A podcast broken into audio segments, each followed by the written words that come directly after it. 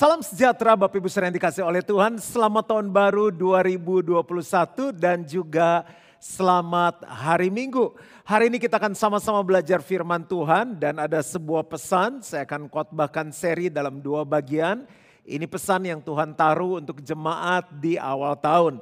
Berapa banyak yang siap untuk belajar firman Tuhan? Yang siap katakan amin dan mari sambut firman Tuhan dengan tepuk tangan yang paling meriah. Karena firman Tuhan begitu luar biasa Firman Tuhan adalah kebenaran yang sanggup merubah dan menolong kehidupan kita. Saya berikan judul mendengar suara Tuhan. Mendengar suara Tuhan. Ini adalah topik yang sering dibahas, tapi pada kenyataannya nggak banyak orang Kristen atau anak-anak Tuhan yang bisa mendengar suara Bapaknya. Sehingga dalam dua bagian seri firman Tuhan ini kita akan belajar dan waktu Bapak Ibu mempraktekannya, saya percaya kita semua bisa belajar mendengar suara Tuhan. Ada hal-hal penting yang perlu kita pegang bahwa kita menyembah Tuhan yang hidup. Dan kalau Tuhan itu hidup, Tuhan itu bisa berbicara. Saya coba gambar sedikit di awal khotbah saya. Jadi saya kasih judul yang sederhana aja dengar mendengar suara Tuhan. Jangan pernah bosan kalau saya gambar ini. Manusia hidup terdiri dari apa saja? Roh, jiwa, dan tubuh. Jiwa terdiri dari pikiran, perasaan, dan kehendak. Waktu manusia pertama buat dosa, dan dosa itu turun kepada kita, firman Tuhan bilang semua manusia sudah buat dosa dan hilang kemuliaan Allah. Yang terjadi adalah putus hubungan kita dengan Tuhan. Roh kita dan roh Tuhan putus hubungan. Tapi saat kita percaya kepada Tuhan Yesus, kita menerima Yesus sebagai juru selamat dan Tuhan dalam hidup kita, roh kita dihidupkan kembali sehingga kita bisa berhubungan dengan Tuhan. Kalau ini saya gambar salib melambangkan Tuhan. Tuhan adalah roh. Jadi antara roh kita dan roh Tuhan itu bisa berkomunikasi. Sudah hidup, sudah tersambung. Jadi harusnya manusia bisa mendengar dari Tuhan. Nah mengapa manusia nggak bisa mendengar dari Tuhan? Pengen dengernya lewat pendeta. Ayo pendeta coba tanyain Tuhan, jodohku bener nggak sih Budi? Bener nggak saya harus pindah ke Amerika? E, pendeta coba tanyain, e, bener nggak saya harus ambil bisnis ini? Jadi setiap kita adalah anak dari Bapa di surga. Kalau kita sudah lahir baru, roh kita sudah dihidupkan, kita bisa mendengar dari Tuhan. Saya berharap dua seri pelajaran ini bisa menolong Bapak Ibu Saudara mendengar dari Tuhan. Ada lima hal yang akan kita belajar. Yuk kita lihat sama-sama. Bagaimana kita mendengar dari Tuhan. Yang pertama Tuhan dapat berbicara lewat keadaan-keadaan. Tuhan bisa berbicara yang pertama lewat keadaan.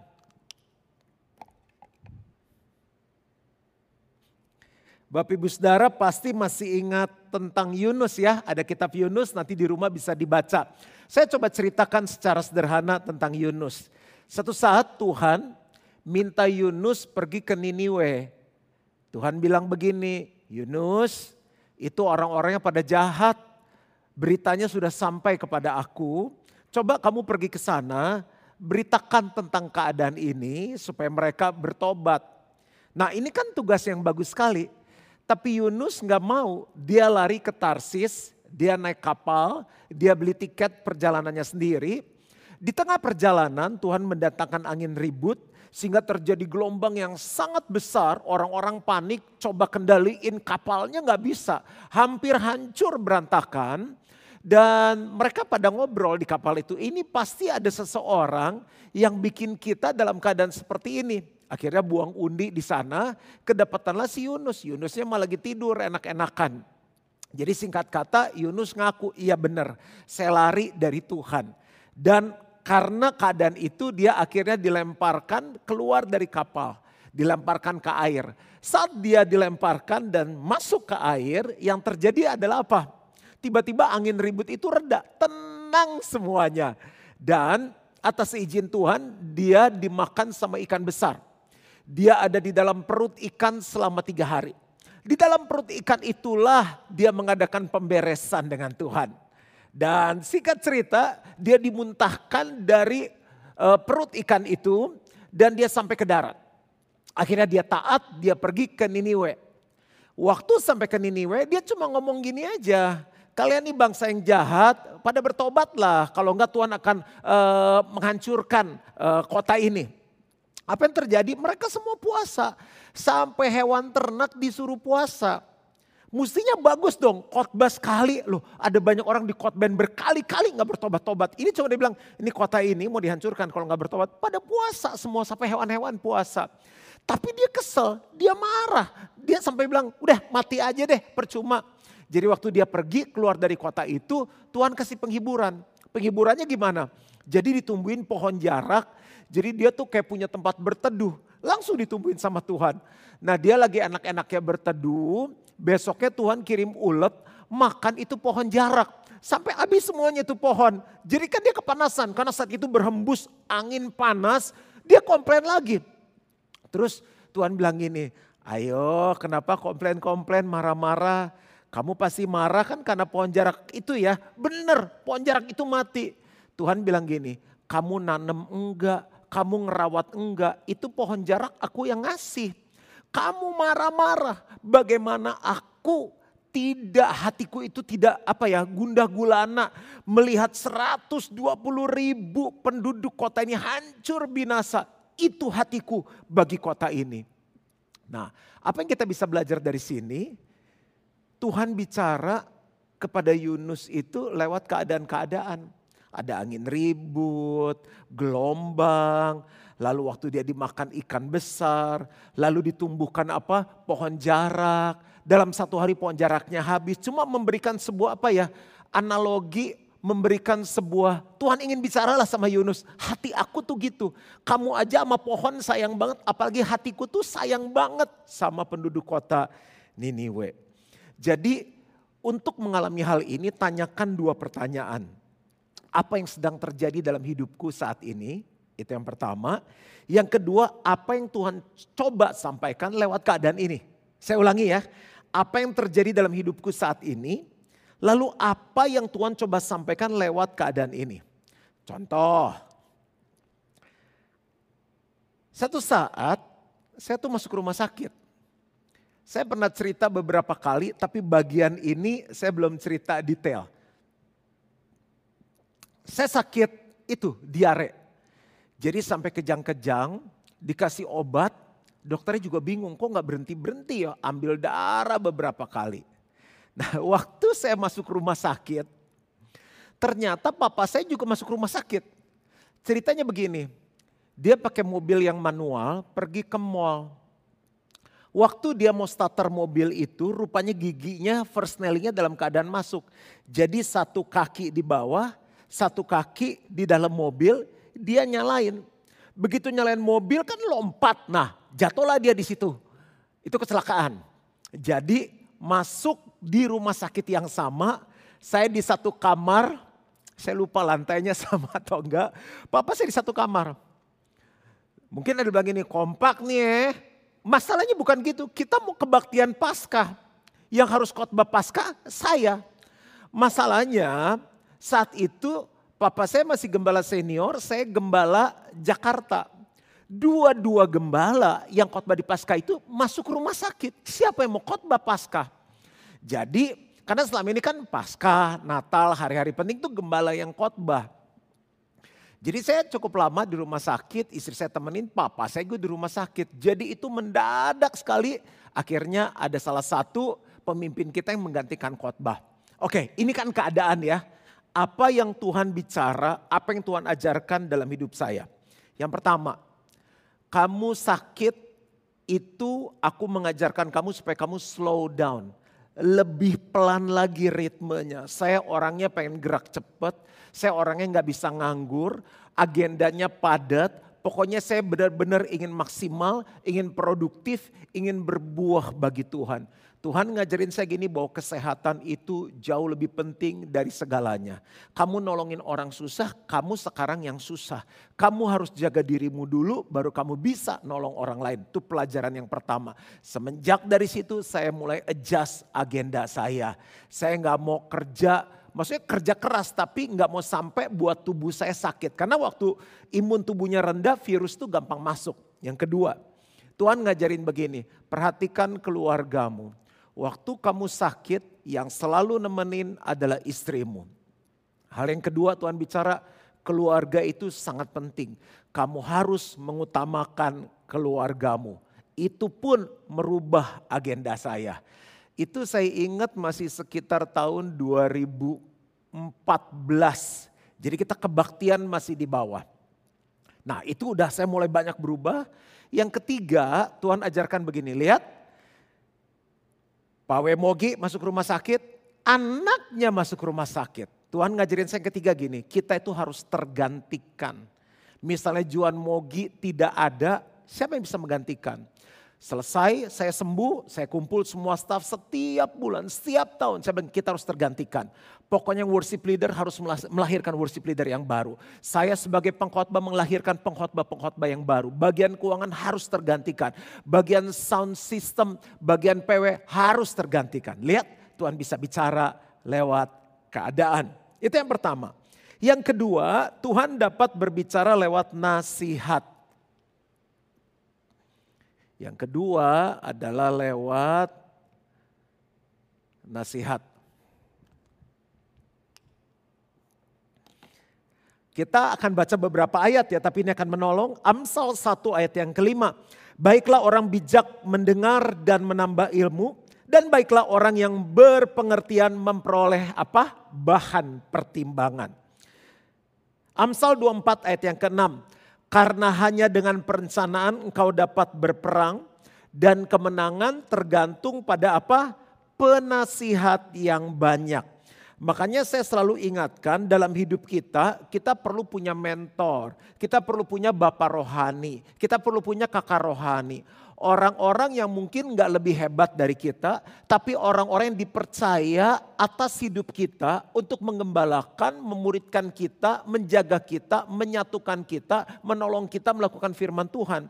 Orang-orang yang bisa kasih nasihat, orang-orang yang bisa kasih pertimbangan, orang-orang yang bisa ngomong apa saja, menegur kita tanpa kita merasa marah karena kita sudah accountable. Orang itu kita percaya, kita berani untuk Walaupun sakit kita berani untuk diberitahu. Nah poin yang kedua ini Tuhan dapat berbicara lewat nasihat bukan berarti gini kita ada masalah. Kita ada pergumulan terus suruh dia, suruh mentor rohani kita nanyain sama Tuhan. Coba tanyain sama Tuhan jawabannya apa? Enggak. Kita harus bertumbuh dewasa dengan Tuhan. Kita harus belajar langsung dengan Tuhan. Tapi kita bisa minta pertimbangan dari mereka. Seringkali jawaban mereka mengkonfirmasi apa yang sudah kita gumulkan dengan Tuhan. Contoh, waktu saya mau melayani sepenuh waktu, saya itu kan sekolahnya ambil bisnis sarjananya. Saya lulus di umur 21, 21 tahun.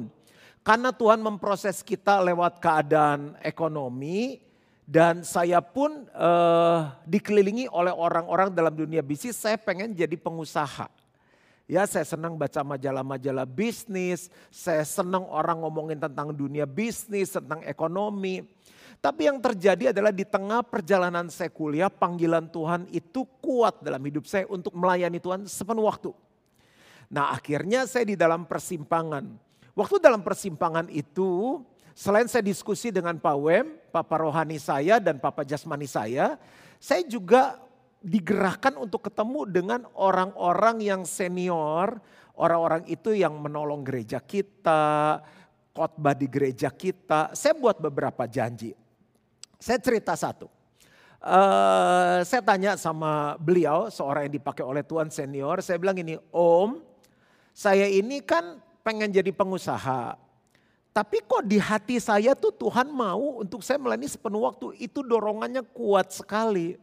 Bagus dong kata omnya. Terus Saya bilang masalahnya begini, aku baru umur 21. Loh, emang kenapa kalau umur 21? Aku masih terlalu muda om. Nanti kalau salah gimana? Nanti kan kalau orang tuh udah umur 30, 40 gitu kan udah oke. Okay. Maksudnya secara uh, kepribadian sudah lebih matang, lebih dewasa. Uh, dia bilang begini ya, uh, saya coba tanya pertanyaan kamu apa? Saya bilang pertanyaan saya simpel apakah saya terlalu muda enggak? Saya takut salah. Terus dia ketawa. Dia bilang begini, ini masukan dari saya ya. Kamu harus berdoa dan memutuskan apa yang kamu dapat dari Tuhan. Iya saya bilang gimana om? Uh, hamba Tuhan itu bilang begini. Kalau kita mau memberi kepada Tuhan, nggak pernah ada istilah salah, apalagi yang kita berikan yang terbaik, yang menyenangkan hati Tuhan. Nah tentang usia gimana om? Tenang, Semakin muda kamu menyerahkan hidup kepada Tuhan, kamu kekuatannya masih kuat, semangatnya masih luar biasa, kreativitasnya masih bagus. Kalau om jadi kamu, justru lebih muda itulah lebih bagus. Jangan nanti udah tua, udah tenaganya berkurang, baru kamu serahkan hidup untuk Tuhan. Nggak salah juga. Tapi kalau kamu dipanggil waktu muda, itu bagus sekali. Saya sudah dapat dari Tuhan. Tapi waktu saya minta nasihat sama orang lain yang adalah senior secara rohani, saya mendapatkan masukan yang mengkonfirmasi. Tapi tetap saya harus dapat sendiri dari Tuhan. Lagi deh, saya tambahin satu ya. Hmm, saya ragu juga. Kalau misalnya nanti saya sudah jadi full time melayani sepenuh waktu, Terus ternyata saya salah, ternyata saya akan suksesnya tuh di bidang lain. Bukan dalam melayani Tuhan, maksudnya khotbah nanti nggak bagus, pelayanannya nggak bertumbuh, nggak jadi berkat, gimana? Nah seorang yang uh, rohani, dia kasih saya masukan tiga. Ini mungkin bisa menolong Bapak Ibu ya, tapi ini dia jelasin untuk saya. Dia panggil saya Yuan, nama saya Juan, mau dia panggil Yuan, dengar. Ini uh, saya kasih kamu tiga masukan. Ini bisa menolong kamu untuk memutuskan. Bagaimana kamu menguji pelayanan kamu, uh, hidup kamu itu akan melayani Tuhan sepenuh waktu. Dia bilang gini, yang pertama, kamu enjoy enggak? Kamu nikmati enggak? Oh saya bilang enjoy banget. Saya mau dari pagi sampai malam melayani Tuhan. Pokoknya suruh ngapain aja saya enjoy. Hmm, bagus dia bilang. Yang kedua, ada buah enggak? Fruit. Buah maksudnya gimana? Ya dari pelayanan kamu ada yang dihasilkan enggak? Saya bilang ada dari saya lahir baru SMP, SMA, kuliah, teman-teman saya pada datang ke Tuhan. Saya bilang banyak yang bertobat, yang dimuridkan. Hmm, bagus dia bilang, berarti ada buahnya. Itu cara mengujinya. Yang ketiga dia bilang, ada konfirmasi dari orang-orang, peneguhan-peneguhan. Ya, confirmation. Maksudnya gimana? Saya tanya dia, Gini, dia kasih contoh ya. Ada orang misalnya pengen uh, jadi koki, buka restoran, hobinya masak gitu. Tapi setiap kali mau masak, stres. Aduh, ntar muka rusak nih kena hawa panas. Aduh, ini gimana nih? Aduh, kasihan gimana? Dia stres, dia nggak enjoy masak satu. Yang kedua, ada buahnya nggak? Pengen jadi chef, tapi jarang masak, nggak ada produk-produknya gitu. Terus saya bilang, yang ketiga gimana? Nah yang ketiga konfirmasi begini. Waktu dia masak, terus dicobain sama orang-orang, orang-orang pada bilang ini enggak enak. Aduh kamu pinter masak nih kamu cocoknya buka restoran deh. Aduh rasanya pengen catering deh sama kamu. Aduh kapan dong bikin lagi, bagi lagi. Nah itu namanya konfirmasi gitu. Jadi kalau kita udah masak, sering masak, terus saya paling orang orang nyobain, terus kita tanya, gimana om rasanya? Hmm, gimana ya? Hmm, gimana? Uh, uh, ah itu berarti nggak enak makanannya. Itu perlu diuji lagi. Jadi ini dua hal yang saya alami bahwa benar Tuhan itu bisa berbicara lewat nasihat-nasihat, pertimbangan-pertimbangan. Nah ini yang saya dapat nih. Ilmu ini yang menolong saya juga untuk memutuskan dan saya bantu juga untuk menolong orang-orang yang lain. Yang ketiga, Sampai sini apakah Bapak Ibu Saudara belajar sesuatu? Setiap kita pasti bisa belajar mendengar dari Tuhan. Tuhan dapat bicara lewat damai. Lewat damai. Saya tulis semua ringkasan-ringkasannya jadi Bapak Ibu nanti mudah untuk mengingatnya. Damai itu di hati. Kalau setiga ayat yang ke-15. Hendaklah damai sejahtera Kristus memerintah dalam hatimu. Karena untuk itulah kamu telah dipanggil menjadi satu tubuh dan bersyukurlah. Artinya begini, saat kita memutuskan itu damai enggak? di hati walaupun ada pergumulan, ada tantangan, jalan yang dari Tuhan tuh nggak selalu tuh mulus gitu. Saya coba cerita ya. Singkat kata, saya memutuskan untuk melayani Tuhan sepenuh waktu. Dah, saya saya nggak akan bisnis lagi dan sampai sekarang berarti sudah Januari masuk 26 tahun. 26 tahun saya murni melayani, melayani Tuhan.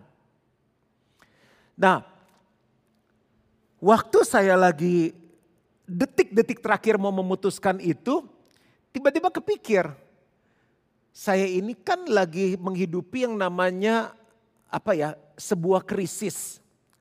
Nah, kalau setelah saya memutuskan melayani Tuhan, harusnya saya tadinya bisnis, Berarti masalah nggak selesai ya.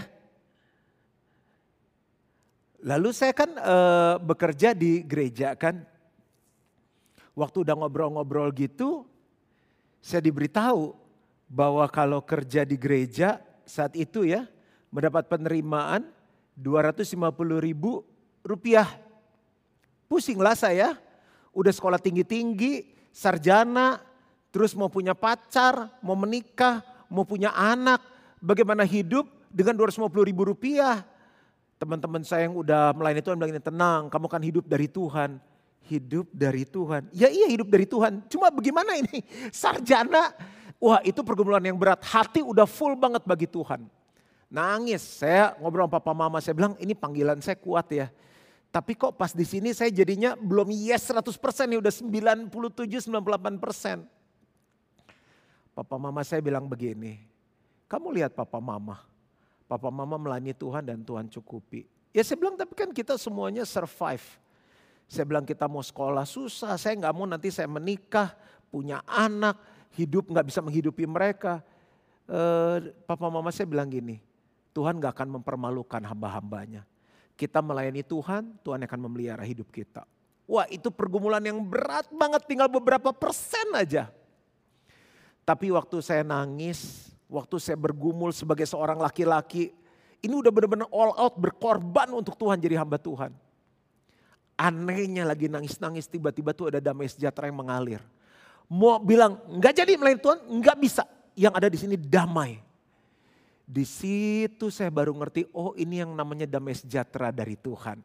Dan ini salah satu kita bisa belajar mendengar dari Tuhan. Apa yang kita gumuli, apa yang kita mau putuskan selain sesuai dengan firman Tuhan ada sebuah damai yang Tuhan kasih di hati. Nah habis itu perjalanan gak mulus, banyak tantangan. Tapi sampai saat ini saya bertahan karena saya melayani Tuhan yang hidup. Haleluya. Satu contoh lagi deh. Saya itu kalau ditanya Gilgal satu aja cukup. Papa saya dulu bilang gini, Gilgal akan ada di Jakarta Barat, Utara, Timur, pokoknya lima wilayah di Jakarta. Gilgal akan ada di kota-kota provinsi. Waktu papa saya mau menyerahkan penggembalaan kepada saya, saya punya syarat. Itu cukup lama untuk kita diskusi visi, karena itu visi dari Tuhan. Saya bilang kalau bukan saya orangnya jangan. Karena kalau saya nggak sanggup, saya nggak mau. Kalau saya orangnya iya, saya ya, saya lakukan yang terbaik. Saya bilang begini aja, Gilgal satu. Tapi kalau papa punya beban di daerah-daerah, kita tolong gereja-gereja yang lain. Entah namanya mau Gil-Gil, Gal-Gil, atau apa aja, Gal-Gal, mau gereja apa pun, sinode apa pun. Kalau mereka perlu bantuan kita, sebisa mungkin kita tolong. Kan kita juga punya prioritas, waktu, tenaga, dan lain-lain. Akhirnya sikat kata terjadi kesepakatan dan saya mau mengembalakan. Dah Begitu Tuhan suruh untuk uh, bangun Gilgal Center satu pun waktu menentukan luasnya saya nggak nggak pernah terpikir bahwa gereja ini akan penuh malah saya pikir siapa yang mau datang ini tipenya saya. Jadi saya berpikir gini, kita bantu gereja lain dan kita kuatin komunitas sel, gereja kita jadi dampak. Itu saja. Waktu berjalan, tiba-tiba Tuhan itu bicara. Ini udah enam kali kebaktian, mulai Gilgal Center 2, aduh itu aku lemes. Kalau bisa aku bilang aku tolak dalam nama Yesus. Tapi suara itu kuat, saya uji. Lewat berapa kali pengujian. Di sebuah pertemuan saya bilang ini, e, kita nguji ya, apakah ini dari Tuhan. Itu saya ngomong visinya. Lalu waktu kita retreat saya bilang ini, ini di hati saya saya bilang ini pengujian saya kedua dari Tuhan.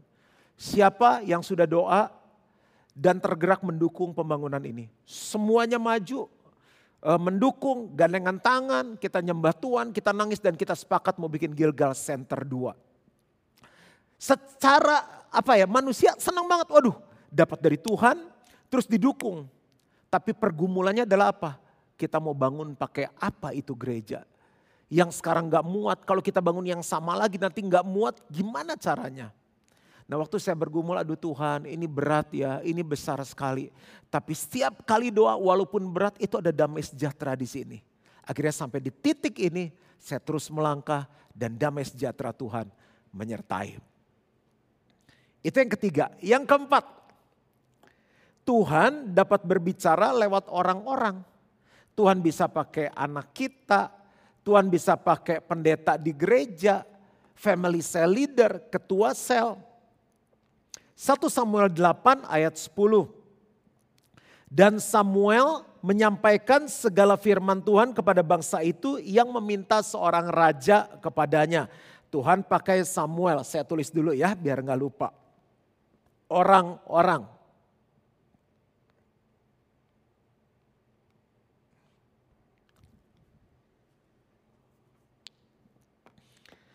Satu Korintus 14 ayat yang ketiga.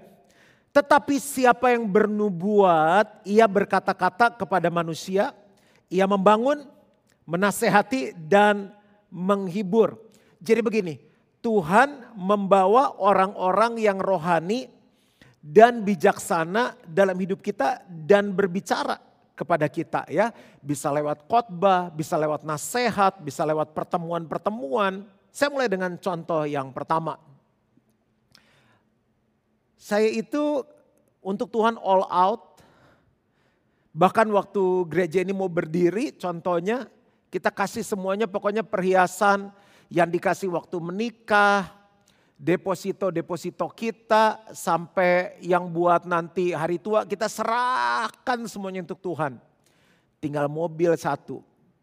Nah waktu mobil itu kita bergumul nanti sih kita naik apa yang gak ada mobil ya. saya diskusi sama papa mama saya, kok pak Tuhan tuh suruh saya jual mobil ya. Jual aja kata papa saya. Nanti kita naik apa ya? Ya naik kendaraan umum lah. Tapi kalau salah gimana? Ya kalau salah ya memberi untuk Tuhan kan gak pernah salah. Kan nyampainya ke Tuhan. Terus saya tanya istri saya, Lus, kok Tuhan bicara suruh jual mobil ya? Ini udah gak ada semua, pokoknya di laci udah kosong deh. Kasih aja. Saya kaget isi saya bilang kasih. Nanya sama yang Papa Rohani, Papa Jasmani juga kasih aja gitu. Ya udah saya jual. Kita ngalami itu. Jadi kadang pinjam mobil kantor. Kadang ya kan mobil kantor dipakai juga ya naik kendaraan umum. Itu kita lewati. Nah tiba-tiba Tuhan itu bicara lewat sebuah seminar yang saya ngikutin. Saya lagi ngikutin seminar itu. Tuhan tuh ngomong sama saya begini. Ini saya coba gambar ya. Tuhan ngajarin saya sesuatu lewat ayam. Gini nih. Aku coba gambar ayam yang nggak tahu benar nggak nih saya nggak tahu ayam apa ya. Tapi ini ayam. Aku gambar dari hati aku. Mudah-mudahan benar.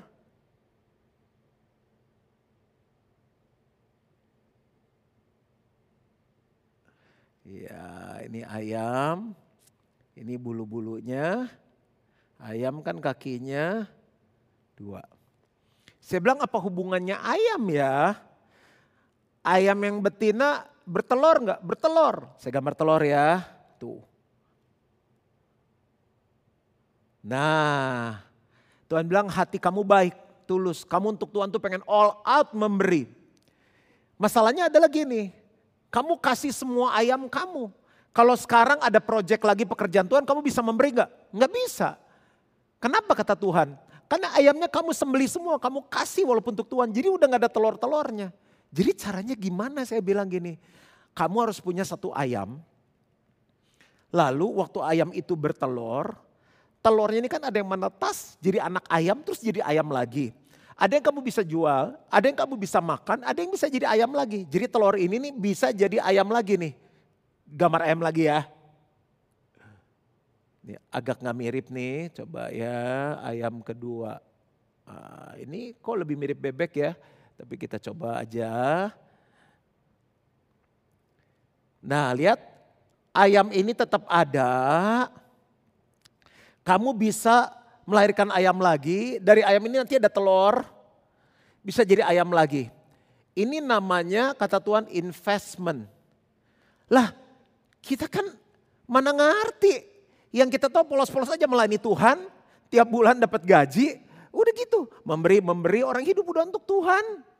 Tapi Tuhan bilang lihat akan ada banyak hal yang perlu dana dan kamu bisa jadi berkat. Nah mulai dari situ saya nangkep. Bayangin Tuhan bisa bicara lewat hamba Tuhan, lewat sebuah seminar. Dia lagi ngajar sesuatu, Tuhan bisa bicara tentang apa? Investment. Dan sampai hari ini saya bisa tetap memberi untuk pekerjaan Tuhan. Nah, cerita lagi. Saya lagi ngomong-ngomong, ngobrol lah di meja makan. Seorang uh, senior secara rohani, seorang hamba Tuhan nanya begini. Nilai kamu apa? Nilai apa ya saya bilang? Nilai yang kamu pegang. Oh nilai firman, saya bilang banyak lah. Jujur, setia, tanggung jawab. Oke bagus. Di gereja apa nilai kamu? Gereja. Ya itu sama di firman Tuhan. Kamu ajarin nggak? Ajarin. Tapi jemaat tahu nggak nilai itu? Hmm, kalau kamu tanya jemaat kamu, apa nilai gereja kita? Hmm, nggak tahu saya bilang. Pokoknya tiap minggu kan saya bawa nilai. Nah dia bilang gini, coba kamu mulai set sebuah nilai, misalnya contoh kejujuran, tanggung jawab, excellent, kesetiaan. Apa yang kamu dapat dari Tuhan dan kamu mau hidupi sampai itu menjadi sebuah budaya. Lalu kamu ajarkan kepada jemaat berulang kali sampai jemaat menghidupi nilai itu. Dan ke mana pun mereka pergi mereka membawa nilai itu jadi garam. Di kantor mereka diberkati, di sekolah mereka diberkati, di rumah tangga, rumah tangga mereka diberkati. Bukan hanya itu, mereka jadi berkat karena mereka punya nilai. Oh gitu ya. Dan itu dibuat. Kamu lihat kayak organisasi, Perusahaan mereka punya corporate values. Gereja yang harusnya punya nilai nggak punya. Lihat lagi makan nyantai, orang bisa bicara seperti itu. Dia bilang kalau kamu tidak menyusun nilai, jemaat kamu nggak punya nilai. Kalau kamu nggak nyusun nilai, orang dunia yang taruh nilai sama mereka. Kalau kamu nggak nyusun nilai, gerejamu nggak bisa bersatu. Ada banyak yang dia ngomong, saya mulai catat, catat, catat, lahirlah fiesta. Lagi makan siang Lihat Tuhan bisa bicara lewat orang-orang. Tadi tentang nubuatan saya belum jelaskan ya.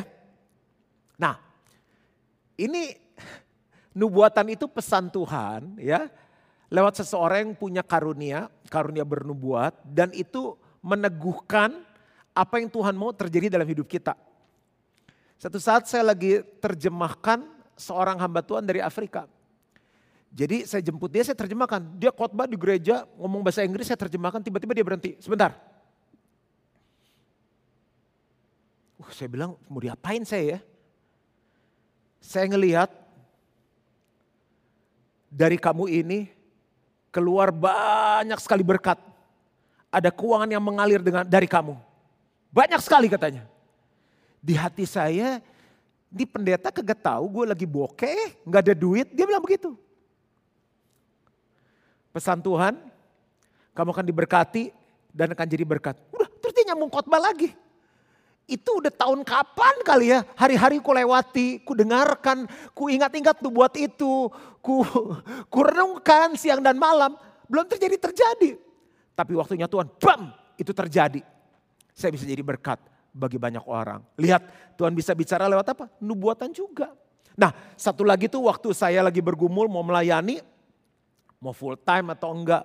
Saya catat hampir ada 20 orang kali. Saat-saat itu tuh banyak sekali orang-orang yang melayani ya mission dari luar negeri datang dari Amerika dari Australia nggak kenal saya si bule-bule itu nggak kenal. Saya kan dulu antar jemput pendeta ngurusin masuk hotel, jemput, bawain koper, ngangkut-ngangkut itu kerja saya. Dan kalau udah rapi semuanya jadi penterjemah. Lagi di lift, young man, masih muda itu hari. Tuhan kasih lihat saya ada dua jalan, kamu ada dua persimpangan, kiri atau kanan, kamu di tengah-tengah, kamu lagi bingung. Putuskan apa yang Tuhan sudah taruh di hatimu. Bayangin itu terbang berapa belas jam bisa tahu. Nah yang kayak gitu-gitu tuh. Nah itu pesan-pesan Tuhan yang namanya nubuatan. Itu meneguhkan keputusan yang saya sudah ambil dan apa firman yang saya sudah terima dari Tuhan ya. Ini yang keempat. Yang kelima yang terakhir. Tuhan dapat bicara lewat mimpi dan penglihatan. Ini yang terakhir.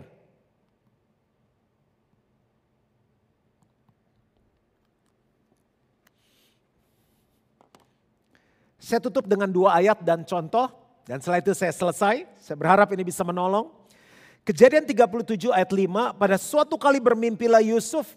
Lalu mimpinya itu diceritakannya kepada saudara-saudaranya. Sebab itulah mereka lebih benci lagi kepadanya. Singkat kata Yusuf mimpi jadi pemimpin.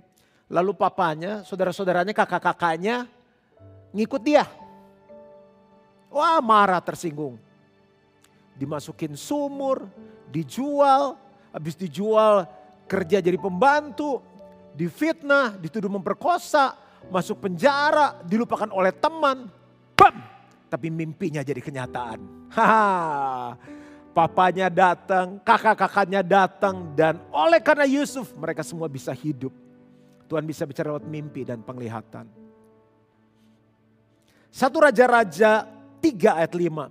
Di Gibeon itu Tuhan menampakkan diri kepada Salomo dalam mimpi pada waktu malam. Berfirmanlah Allah, mintalah apa yang hendak kuberikan kepadamu. Tuhan bisa bicara lewat mimpi, lewat penglihatan. Bahkan saat kita dalam keadaan sadar Tuhan bisa berikan visi kepada kita. Waktu Pak Wem dapat dari Tuhan untuk membangun Gilgal Center 1 dan saya diminta untuk menjalankannya. Udah dilepas gitu aja. Nggak pernah ngebangun, dia paling ngebangun Lego doang sama pasir-pasir di pantai itu. Nggak ngerti milih lantai, milih AC, milih lift, bener-bener nol. Ditanya sama arsitek, mau gambar berapa luas pak untuk berapa orang? Aduh, berapa orang ya? Tiba-tiba saya ngomong gini, kasih saya waktu ya. Yang orang itu juga bingung kali. Kasih saya waktu, kenapa saya mau doa dulu. Terus saya dapat sebuah angka, saya bilang sama mereka, sekian. Setelah saya ngomong, saya gak bisa tidur. Aduh, itu gede banget ya mau diisi sama siapa. Dari gereja kecil terus gambar gereja gede siapa yang mau datang. Lagi saya bergumul-bergumul ya, jadi stres dengan jawaban sendiri yang saya dapat dari Tuhan. Terus saya ngomong, aduh kenapa gue gak uji lagi berulang-ulang ya. Tiba-tiba saya dapat seperti vision, penglihatan gitu. Gedung yang lagi digambar ini. Dari pagi sampai malam penuh. Dari pagi sampai malam itu penuh. Saya masih ingat orang yang pertama nanya sama Harya, sama saya itu Haryanto. Kok kalau Koko sendiri dapat visi apa? Kita lagi liburan, lagi nyet, saya lagi nyetir dia di samping. Dapat visi apa untuk Gilgal Center. Jadi bukan untuk Gilgal. Kalau Gilgal kan visinya menjadi jemaat yang kuat. Ini Gilgal Center. Saya bilang hari Minggu akan ada lima kali kebaktian. Kebaktiannya full penuh dengan orang. Kok tahu? Saya bilang saya lihat. Saya dapat visi. Habis ngomong gitu ya. Kebaktian kita masih di lantai bawah. Terus mulai kebaktian di atas masih kosong tapi sekarang bukan hanya lima kali, enam kali kebaktian. Dan juga Tuhan kasih pesan berikut. Membangun gedung yang baru. Tuhan kita luar biasa, Tuhan kita hidup. Dan karena dia hidup, dia bisa berbicara. Hari ini kita belajar lima hal bagaimana Tuhan bisa bicara kepada kita. Mari kita berdoa, terima kasih Bapak. Hambamu belajar terus untuk mendengar dari Tuhan. Dan Tuhan yang sama yang aku sembah Tuhan yang sama akan berbicara kepada semua jemaatmu yang mengikuti kebaktian online ini. Tuhan lewat apa pun biar mereka bisa belajar lewat keadaan-keadaan yang mereka sedang hadapi. Mereka bisa belajar lewat nasihat, lewat damai sejahtera yang ada, lewat orang-orang yang rohani, lewat mimpi penglihatan yang Tuhan beri. Nyatakan itu dalam hidup mereka. Masuk tahun 2021 kami perlu engkau berbicara bagi kami sehingga kami nggak bergantung kepada banyak orang yang nggak jelas. Bahkan ada masih banyak yang melihat kepada ramalan dan lain-lain. Tapi kami mau bergantung sama Tuhan yang menciptakan kami, pegang hidup kami, pegang kendali untuk dunia ini dan pegang masa depan kami. Terima kasih Bapak.